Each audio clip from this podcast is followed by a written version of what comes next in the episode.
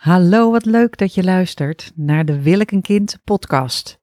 Mijn naam is Evelien de Jong en ik help mensen die twijfelen aan wel of niet een kind krijgen.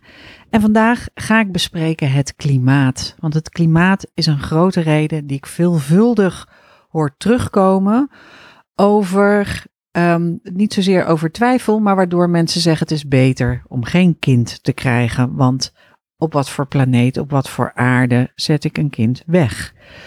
Wat is in het kort het probleem? Iedereen binnen nu en 40 jaar zal een moeilijker leven krijgen door klimaatsverandering. Dat, je kunt hier wel of niet over discussiëren, maar dat is de stelling die ik meeneem, waarvan uit ik vertrek in deze podcast, is dat we het moeilijker gaan krijgen door klimaatsverandering.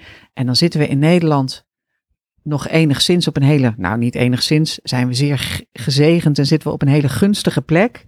Maar klimaatverandering zal ook betekenen dat er grote groepen mensen op drift zullen raken.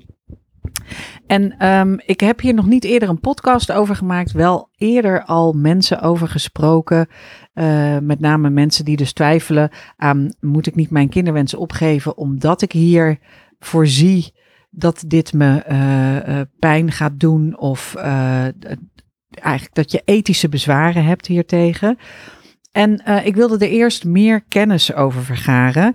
En gisteren ben ik naar een documentaire screening, hoe noem je het? Het was een fancy naam. Maar er werd een documentaire vertoond en die heet Population Boom.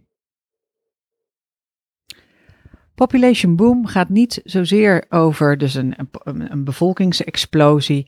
En die gaat, zeiling, nou, gaat ook over het klimaat en het gaat over overbevolking.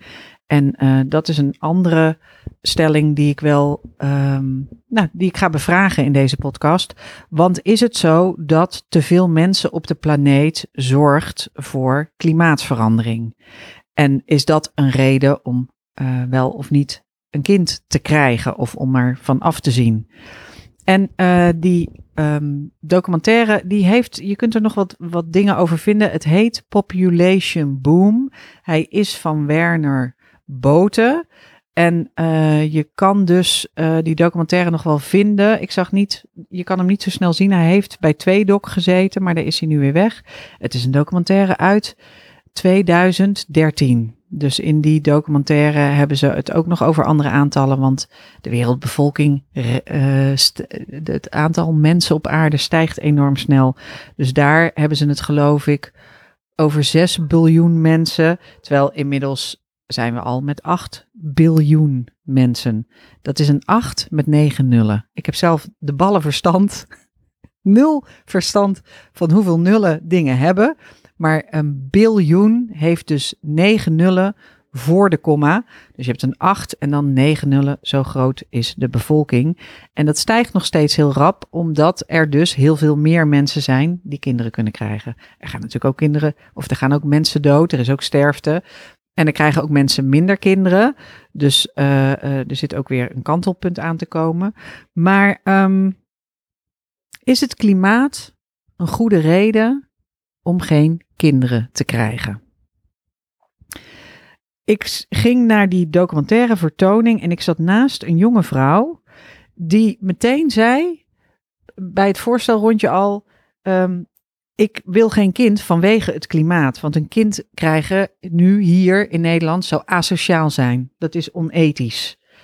En uh, ze legde uit dat een kind krijgen in de westerse wereld, dat heeft veel meer impact op het milieu dan een kind krijgen in India of in uh, Mexico of Bangladesh.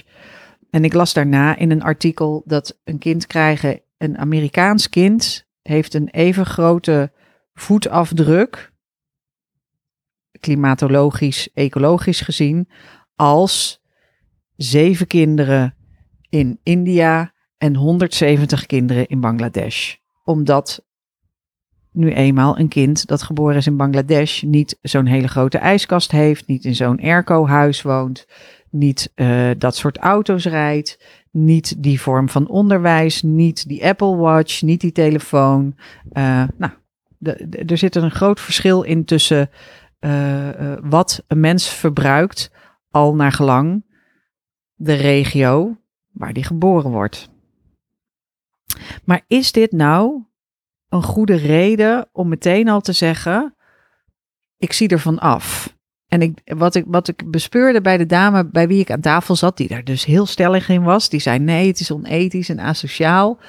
Um, was dat toen we wat langer, de, avond duurde uh, veel langer, dus we, hebben wat, we zijn wat vaker in gesprek gegaan, was dat ze daarna zichzelf wel realiseerde van, oh ja, maar als ik dadelijk echt voor die keuze kom te staan, echt voor die beslissing, dan zal ik daar misschien anders in staan, omdat um, als een offer van je gevraagd wordt, doet het passeren op het moment dat het echt van je gevraagd wordt.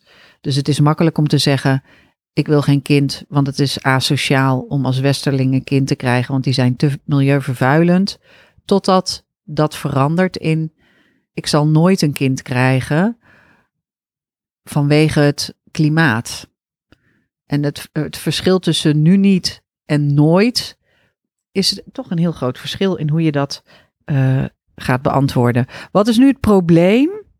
als je jezelf verdiept in het klimaat, en ik zei helemaal aan het begin van deze podcast al, ik ga ervan uit dat binnen nu en 40 jaar iedereen op aarde zal te maken krijgen met eh, negatieve gevolgen van klimaatverandering. En dat zijn ook de vragen die mensen, die, die mensen zichzelf stellen als ze twijfelen aan het krijgen van een kind op deze planeet. Ze stellen zichzelf de vraag: hoe zal ik lijden onder de klimaatsverandering? Zal ik daar zelf last van hebben? Zal ik zien hoe andere mensen lijden onder klimaatsverandering? En daaronder, of nog, nog meer in een, um, uh, in een wat groter perspectief, welke toekomst heeft deze planeet? Welke toekomst heeft uh, de mensheid? En uh, wat ik dus bespeurde bij die dame bij mij aan tafel, is dat er al snel gezegd wordt, als je in, als je in een klimaatactivistische bubbel zit, laat ik het even zo noemen, als je, als je met andere mensen over het klimaat praat, dat er al snel wordt gezegd, ik kan geen kinderen krijgen, het is allemaal fucked, het zou onethisch zijn om een kind te, te krijgen en op wat voor planeet zet ik het weg en die kinderen krijgen, hebben geen leven. En dat, uh, ik wil niet de situatie, de, de, de, de slechte gesteldheid van de aarde en klimatologische verandering bagatelliseren of te niet doen. Maar het, het, het gaat me om het radicaal denken in een catastrofe. En de grote ironie is, is dat ik dus hier in Amsterdam in een hele fancy setting met een dame aan tafel zit die zegt het zou onethisch zijn om een kind te krijgen. Hier, Terwijl er in vluchtelingenkampen, elders ter wereld, duizenden kinderen geboren worden onder erbarmelijke omstandigheden, met overstromingen, met ziektes die uitbreken, met uh, allerlei um, ellendige, verschrikkelijke dingen. En dat hier dus de kinderwens aan zich al onethisch wordt gevonden. Het vervelende het allervervelendste element aan dit hele klimaatverhaal. Dus hè, ik betwist niet, de inhoudelijk is het een ramp. Maar alleen maar denken in een rampzalig scenario, daar word je depressief van. Dat, dat, is, heel, eh, dat is heel zwaar. Uh, maar even los van de, de rampzalige inhoud. Nou, dit wordt een podcast van heel erg zoeken naar woorden. Los van de rampzalige inhoud. Je hebt helemaal geen regie over dit vraagstuk. Dus um, je kunt aan de A12, uh, je kunt de A12 bezetten, je kunt bij Extinct Rebellion doen. Er zijn allemaal kleine stappen die je kunt zetten. Daar ga ik dadelijk nog meer over zeggen, want ik vind ook dat je dat moet doen als dit vraagstukje heel erg na aan het hart gaat en als je hier veel mee bezig bent. Maar zelfs als je je leven hebt ingericht als klimaatactivist en daar alles voor doet en daar alles voor laat, dan nog is deze catastrofe veroorzaakt door overheden en multinationals die, die niet binnen jouw controlesfeer vallen. Je hebt geen regie over de situatie. Dus je hebt wel last ervan. En in ons geval, hè, waar we vanuit Nederland geredeneerd hè, of vanuit Europa geredeneerd en Amerika geredeneerd, kun je wel zien hoe catastrofaal het is op andere plekken.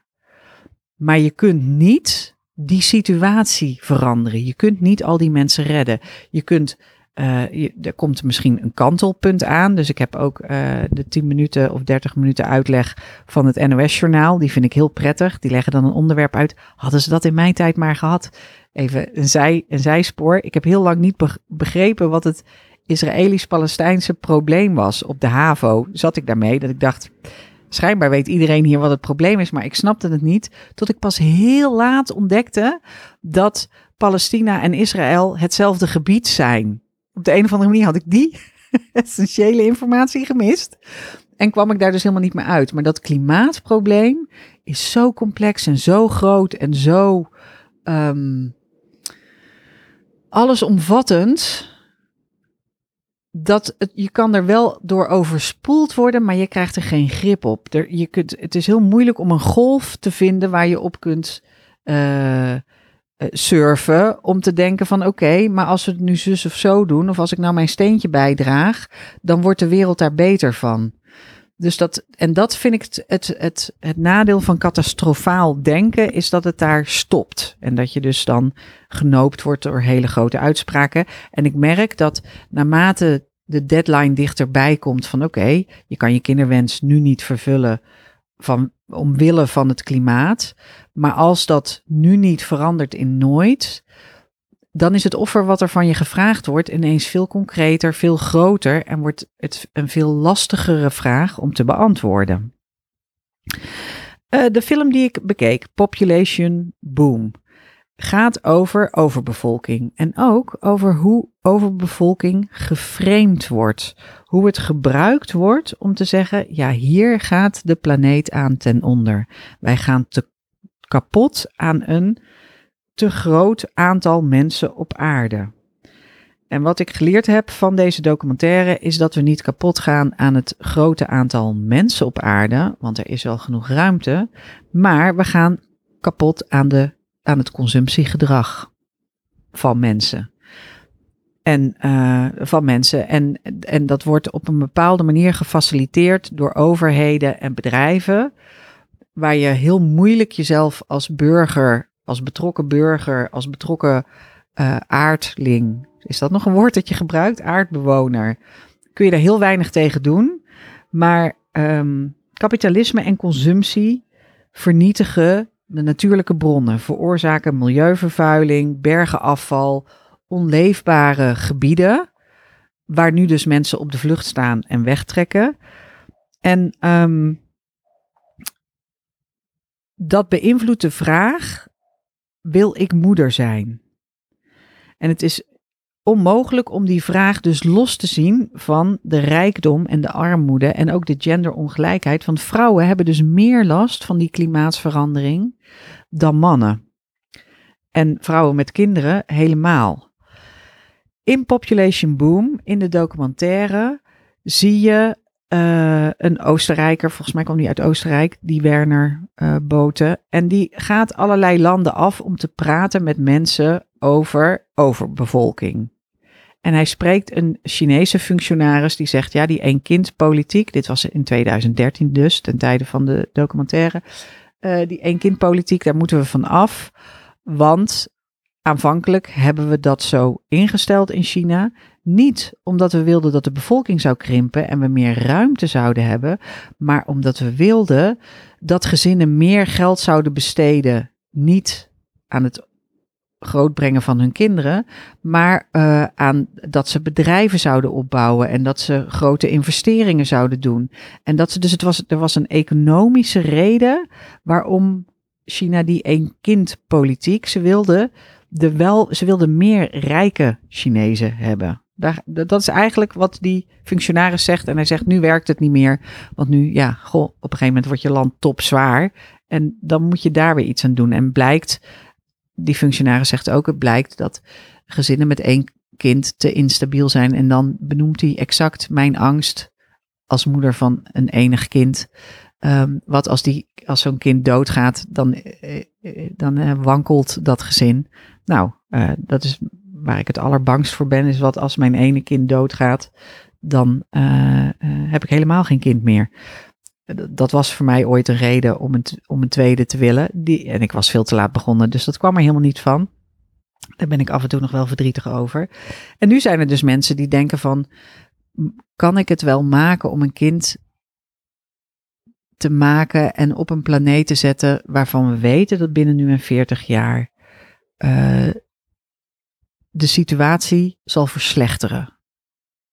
En in hoeverre dat verslechtert en wat dat dan betekent hier in Amsterdam of in de Achterhoek of uh, misschien wel in Zweden of op een plek waar je echt, waar, het klimaat, waar klimaatverandering echt gewoon uh, killing is, als in de dodelijke slachtoffers maakt. Dat is een vraag die je jezelf kunt stellen, maar in mijn optiek, ik merk dat ik zoek naar woorden omdat ik dit graag zorgvuldig wil zeggen en ik weet dat ik dingen eruit kan flappen. Um, waardoor mensen dadelijk allemaal in de pen klimmen en zeggen: Nou, wat jij nou riep in die klimaatpodcast.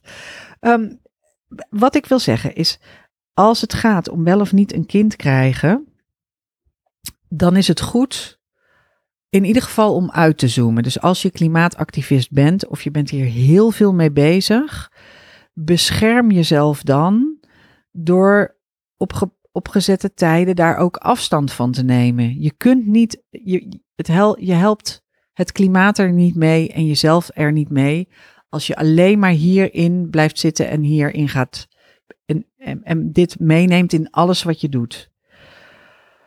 En ik denk ook dat veel mensen die ik spreek, die bezig zijn en zich inzetten voor het klimaat, ook in staat zijn om dat af en toe los te laten. Dus even zo goed nog wel een festivalletje kunnen bezoeken. Of even zo goed nog wel een mobiele telefoon hebben. Of toch een keer bij McDonald's naar binnen lopen. Gadverdamme, doe dat niet.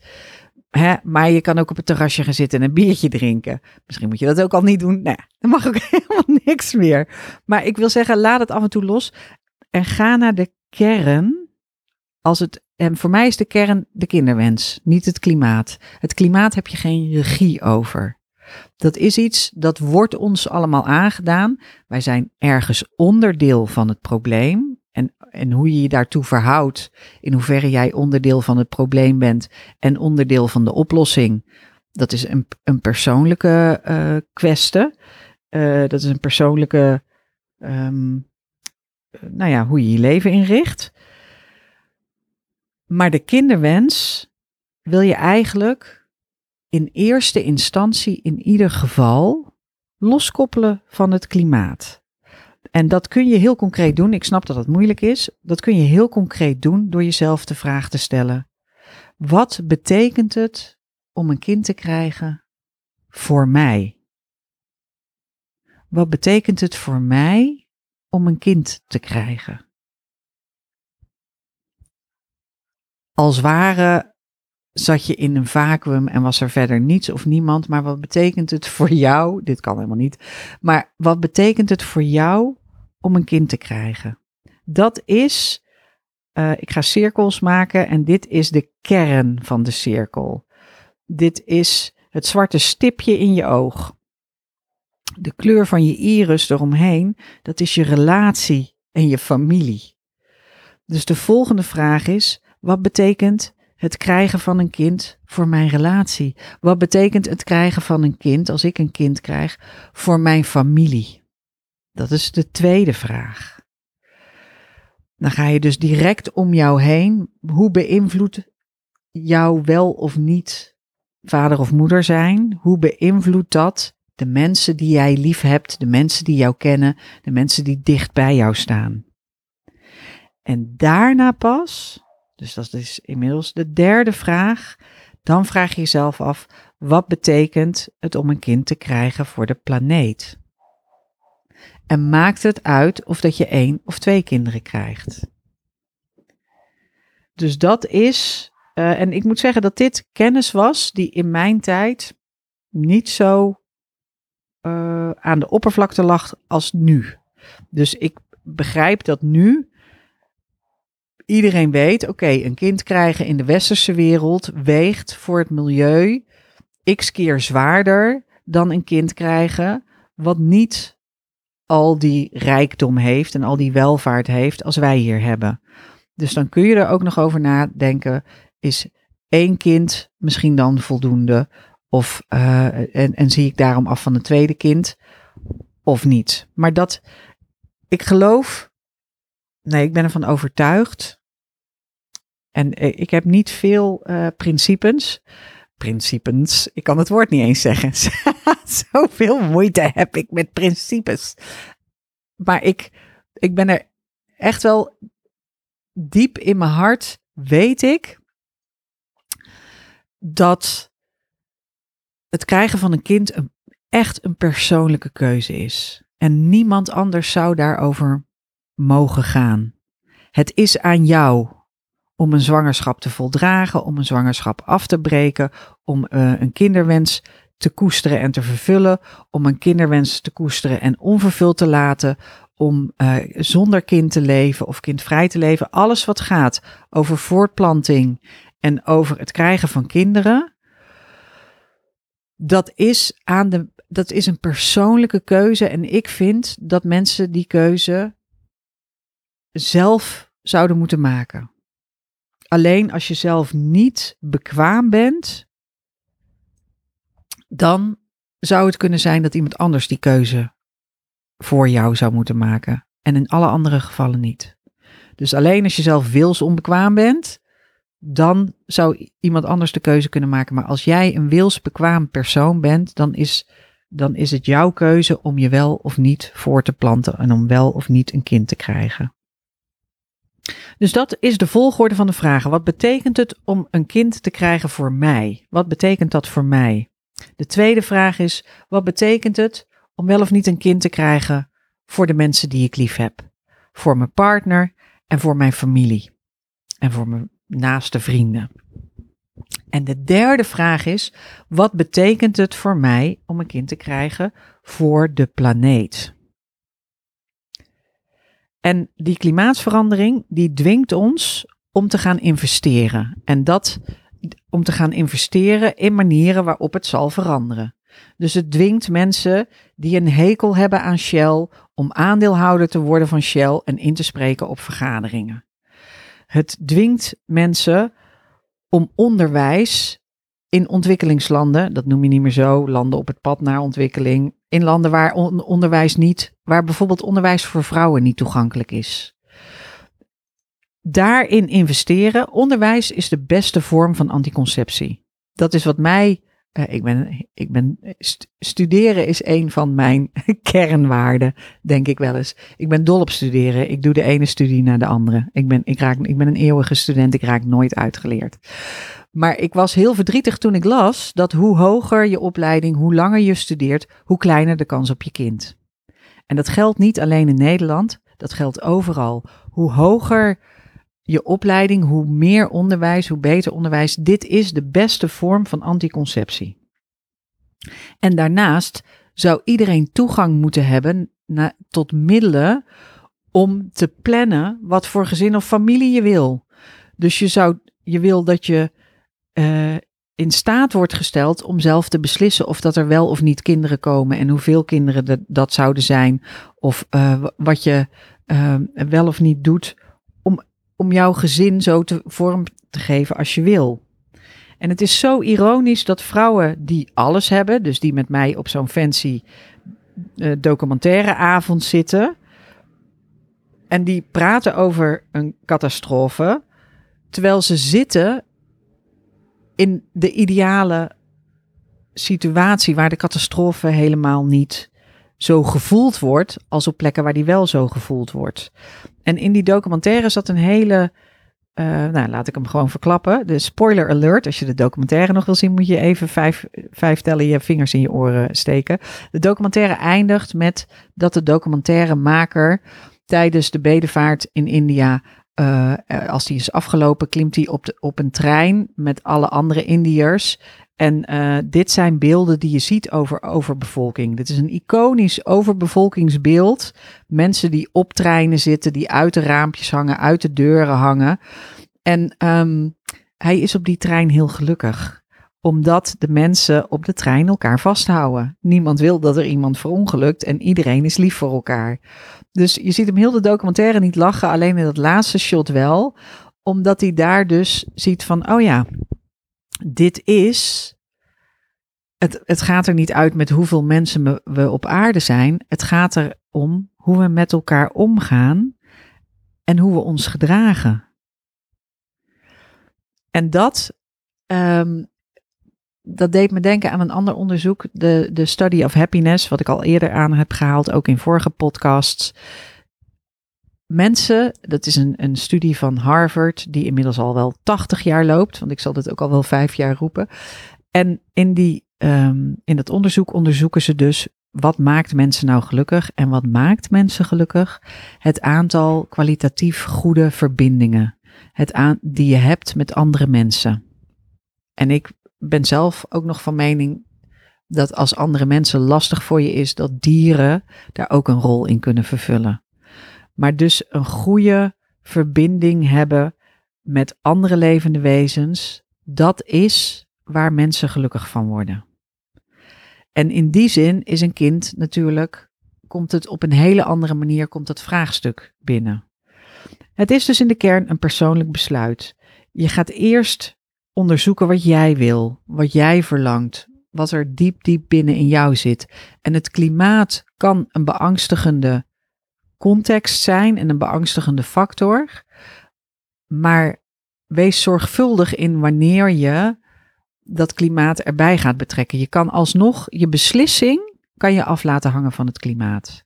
Het uiteindelijke besluit kun je af laten hangen van het klimaat. Maar zorg dat je eerst duidelijkheid hebt over je verlangen.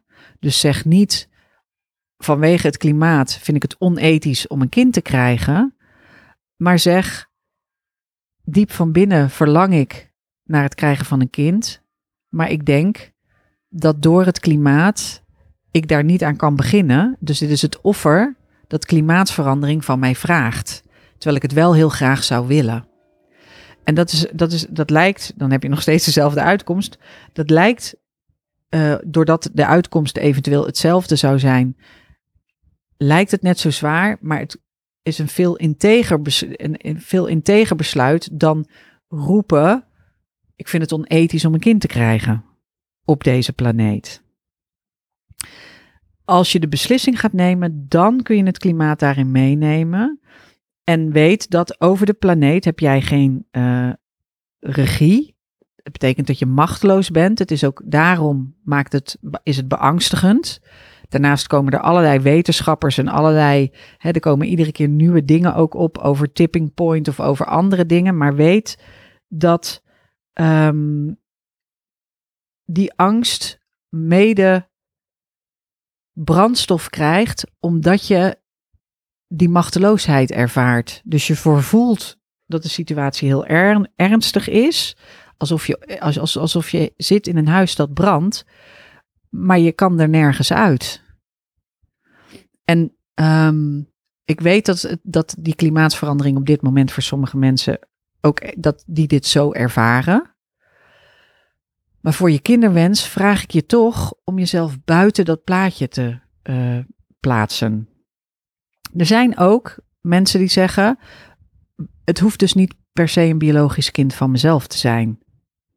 Dit is al een interessante optie om bij jezelf ook eens te verkennen. Wat nou als het niet een biologisch kind van mezelf is, maar een pleegkind of een adoptiekind? En in eerste instantie zeggen veel mensen die hierover nadenken intuïtief: ik zou misschien wel een kind willen adopteren. En dan eventueel een kind willen adopteren van een plek waar de situatie nu onleefbaar is.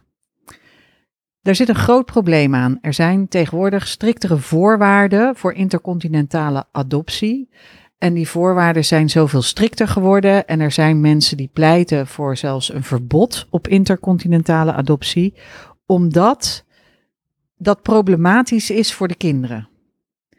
Dus zelfs al komen ze uit een plek waar, waar die plek door droogte of overstromingen onleefbaar is, dan nog is het verkeerd om die kinderen van hun familie weg te halen. Dus er zijn tegenwoordig nog maar heel weinig mensen die adopteren. Adoptie is veel minder gangbaar dan 20, 30 jaar geleden.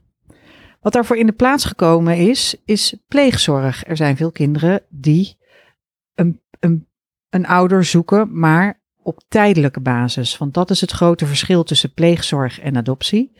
Adoptie gebeurt met als doel dat je de kinderen een, een kind een nieuwe ouder geeft, of nieuwe ouders geeft. Maar het doel is dat ze daar blijven. En bij pleegzorg is het doel uiteindelijk dat het kind, dat de band met de uh, biologische ouders behouden blijft en dat het kind daar ook weer terug naartoe zal gaan. Dus dat is een wezenlijk andere vorm. Maar het is dus al een interessante optie om te denken: oké, misschien moet ik. En het kan zijn dat je voor een kind wil zorgen als je toch een kinderwens hebt. Um, en misschien moet dat niet per se een biologisch kind van jezelf zijn, is altijd een interessante optie om over na te denken. En pleegzorg hoeft ook niet 24/7 en dan uh, uh, 52 weken in het jaar. Je kunt pleegzorg, opvang in de vakanties doen, je kunt het weekenden doen, je kunt uh, een aantal dagen in de week doen. Er zijn heel veel, er is een heel groot, er is een verschillend um, aanbod in. De, de vraag is verschillend ook.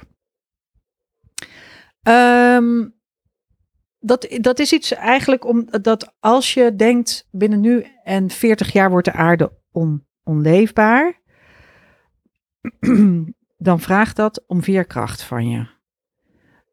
En dat is eigenlijk het belangrijkste bij last hebben van een te veel aan kennis over wat er mis is met het klimaat en daardoor depressief raken. En ook machteloos staan, omdat je niet, uh, je geen regie hebt over die uh, situatie. Je wil die klap kunnen incasseren, dus de klap, de wetenschap, eigenlijk dat de aarde gedoemd is te mislukken. Uh, nou denk je, nou, hoe, hè, hoe kun je dit nou, um, hoe kun je dit nou behapbaar maken of te verstouwen maken of um, uh, zonder, zonder het probleem te bagatelliseren. Dat is waarom je me zoveel um hoort te zeggen, omdat ik wil niet afdoen aan de zwaarte en de serieusheid en de, en de grootsheid van het probleem dat je overspoelt, waar je je door overweldigd voelt. Maar ik wil je ook adviseren om zelf te kijken wat is er in mijn nabijheid? Waar heb ik de focus op? En dit gaat heel erg over de circles of influence. Je hebt uh, drie cirkels. En de middelste, de bullseye, is je circle of control. Dat is datgene waar jij regie over hebt, wat jij controleert. Als jij daar iets in doet, dan verandert datgene volkomen. Dan is er een circle of influence, dat is waar je invloed op hebt. En in het geval van klimaatverandering heb je natuurlijk invloed op het klimaat met kleine dingen. En dan zul je zien dat sommige dingen heel moeilijk zijn. Ik had dus een discussie met mijn vriendinnen over wel of niet demonstreren op de A12. En wel of niet mogen demonstreren, omdat een van die vriendinnen zei: het is hypocriet om daar te gaan staan en een vliegtuigticket te kopen. Het is hypocriet om daar te gaan staan en vijf dagen in de week vlees te eten. En het advies wat ik van veel mensen hoor die zeggen van nou wil je beter leven, zet kleine stapjes. Zet kleine stapjes en ga niet alles kapot relativeren. Dus zorg dan dat, nou misschien kan je een keer proberen havermelk in je koffie. Of misschien kan je een keer proberen een vleesvervanger. Of ga je van vijf dagen naar vier dagen? Of um, kijk je of dat je binnen Europa de trein kunt nemen? Dus wat belangrijk is, is dat het, als het gaat om het klimaat, je kijkt naar wat in jouw cirkel of influence zit. En hoeveel je daarin wil en kan doen. En dat is heel confronterend, want dit zijn dingen, daar heb je wel regie over. Maar dat zijn grote, dat zijn offers die van je gevraagd worden. En je circle of concern, en dat is eigenlijk waar de meeste mensen, dat is de buitenste cirkel, waar eigenlijk uh, nou, in je circle of concern, daar zit het verleden in. Dus dat beïnvloedt jou wel en je, je maakt je daar wel druk over. En je maakt je druk over hoe die bedrijven de, de aarde hebben verkloot en hoe dat tot op de dag van vandaag misschien doorgaat. Maar ehm, je kunt je kunt je daar wel zorgen over maken, maar je kan het niet veranderen. Je kan de oorlogen niet stoppen, je kan de vluchtelingencrisis niet stoppen, je kan uh, fracking in Amerika niet stoppen, je kan Poetin in Rusland niet stoppen. Er zitten heel veel dingen waar je je wel druk over kunt maken, maar waar je eigenlijk, je kan, en je kan je betrokkenheid tonen, dus je kan wel op de A12 gaan staan, maar dat is de grens aan wat je doet. Je kan geld geven aan Milieudefensie, zodat ze uh, Shell kunnen aanklagen. Maar dat is de grens aan wat je kunt doen. Dus je kunt betrokken zijn bij dingen. Er zijn dingen die je kunt beïnvloeden. Dat is uh, de, de tweede cirkel. En er zijn zaken waar je regie over hebt. En je kinderwens en wel of niet het verlangen om moeder te worden of vader te worden, daar, dat zit in jouw cirkel van regie. Degene die daarover gaat, ben jij. En je partner zit in de cirkel van invloed. Dat is degene die je daarbij uh, betrekt en die je erbij nodig hebt. En die je ook nog een beetje kan bewerken. Je kunt daar invloed op uitoefenen. Maar uiteindelijk is het diegene, diegene's beslissing. En zul je dat moeten respecteren. En, en komt het klimaat dan dus op de, op de, dat is iets wat je als laatste erbij betrekt. Dus focus eerst op je eigen verlangen, dan op de relatie met de uh, geliefde. En praat ook over die angsten en die verlangens. Als het gaat om klimaatverandering, dan onderzoek eens wat er voor de aankomende 20, 40, 60 jaar in het gebied waar jij nu leeft staat te gebeuren? Wat kun je verwachten als het gaat om klimaatverandering voor jou op jouw locatie? En wat is er nodig volgens jou? En het kan zijn dat je niet een biologisch kind wil van jezelf. Het kan ook zijn dat je zegt: Ik ga in een woongroep wonen. Daar heb ik natuurlijk zelf ervaring mee. Ik ken ook mensen die in een je kan off the grid in een ecologische woongroep gaan wonen, waardoor de voetafdruk, de klimatologische voetafdruk van je kind, kleiner is dan die van de rest van de Nederlandse kinderen. En op die manier kun je wat constructiever kijken dan alleen maar zeggen: we zijn allemaal fucked en het is onethisch om hier een kind neer te zetten. Ik hoop dat je um, iets hebt. Ik ben net pas begonnen met uh, me verdiepen in het klimaat. Ik, uh, ik ga nog kijken naar een serie op NPO Start. Wat ons tegenhoudt, heet het geloof ik, als ik me niet vergis. En um, nou bijvoorbeeld zo wonen in een woongroep. En je hebt natuurlijk ook, hè, je kunt dus katoenen luiers nemen in de plaats van biologisch afbreekbare luiers. Je kunt alles tweedehands doen. Ik heb hier ooit al wel eens een blog over geschreven lang geleden van hoe duur, wat kost een kind eigenlijk? En zelfs dat kun je dus ook niet wat kost een kind jou aan knaken en euro's, maar wat kost een kind dat je op de aarde zet in een minimale en een maximale variant. En wil je um, alles het beste en nieuw en uh, hoogtechnologisch? Of zeg je nee, als ik, als ik een, een hutje heb, een tiny house en een moestuin. Maar het is prettig om ook over die, om daar toch, om te kijken naar die toekomst. Waar ik mee wil afsluiten is, wat is er nu belangrijk in een mensenleven? In een mens, het is belangrijk voor jou dat je jezelf, je eigen persoonlijkheid kan definiëren. En dat je dat ook nog steeds doet, ook al groei je op in een klimaatcrisis. Dat een klimaatcrisis mag geen uh, reden zijn waarom je niet jezelf definieert. En je kunt uiteindelijk zeggen van nou, ik heb bekeken waar ik regie over heb, ik heb gekeken waar ik invloed op uh, heb En dan kijk ik waar ik allemaal betrokken bij ben, waar ik me allemaal druk over maak. En daarom besluit ik om te kijken naar pleegzorg. Of besluit ik om op een andere manier ehm, betekenis te geven aan mijn leven. En daarmee wil ik afsluiten. Er is een, een, een langlopende studie naar geluk van Harvard. En die, in die studie blijkt dat wat mensen gelukkig maakt, de verbinding is tussen jouzelf en anderen. En dat moeten kwalitatieve verbindingen zijn. Het, hoeven er niet eens heel veel te zijn.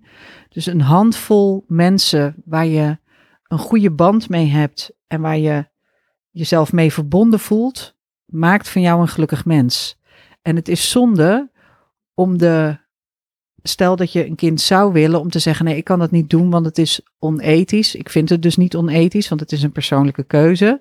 En om die keuze afhankelijk te maken van dingen waar je, waar je zelf machteloos tegenover staat, lijkt me een stap terug doen en niet passen bij deze tijd. En het ontslaat je ook niet van de verantwoordelijkheid om zelf over dat verlangen na te denken. En koppel dat verlangen in eerste instantie los van je uiteindelijke besluit.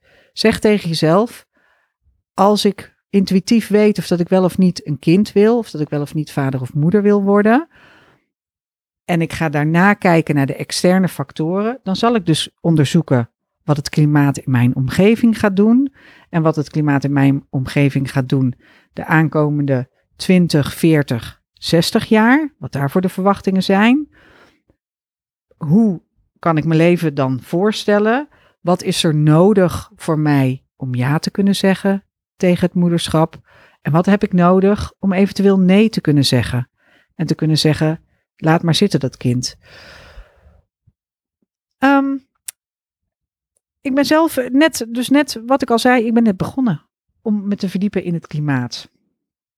Met enige, met enige tegenzin, omdat ik voorvoel dat het heel ernstig is en dat het.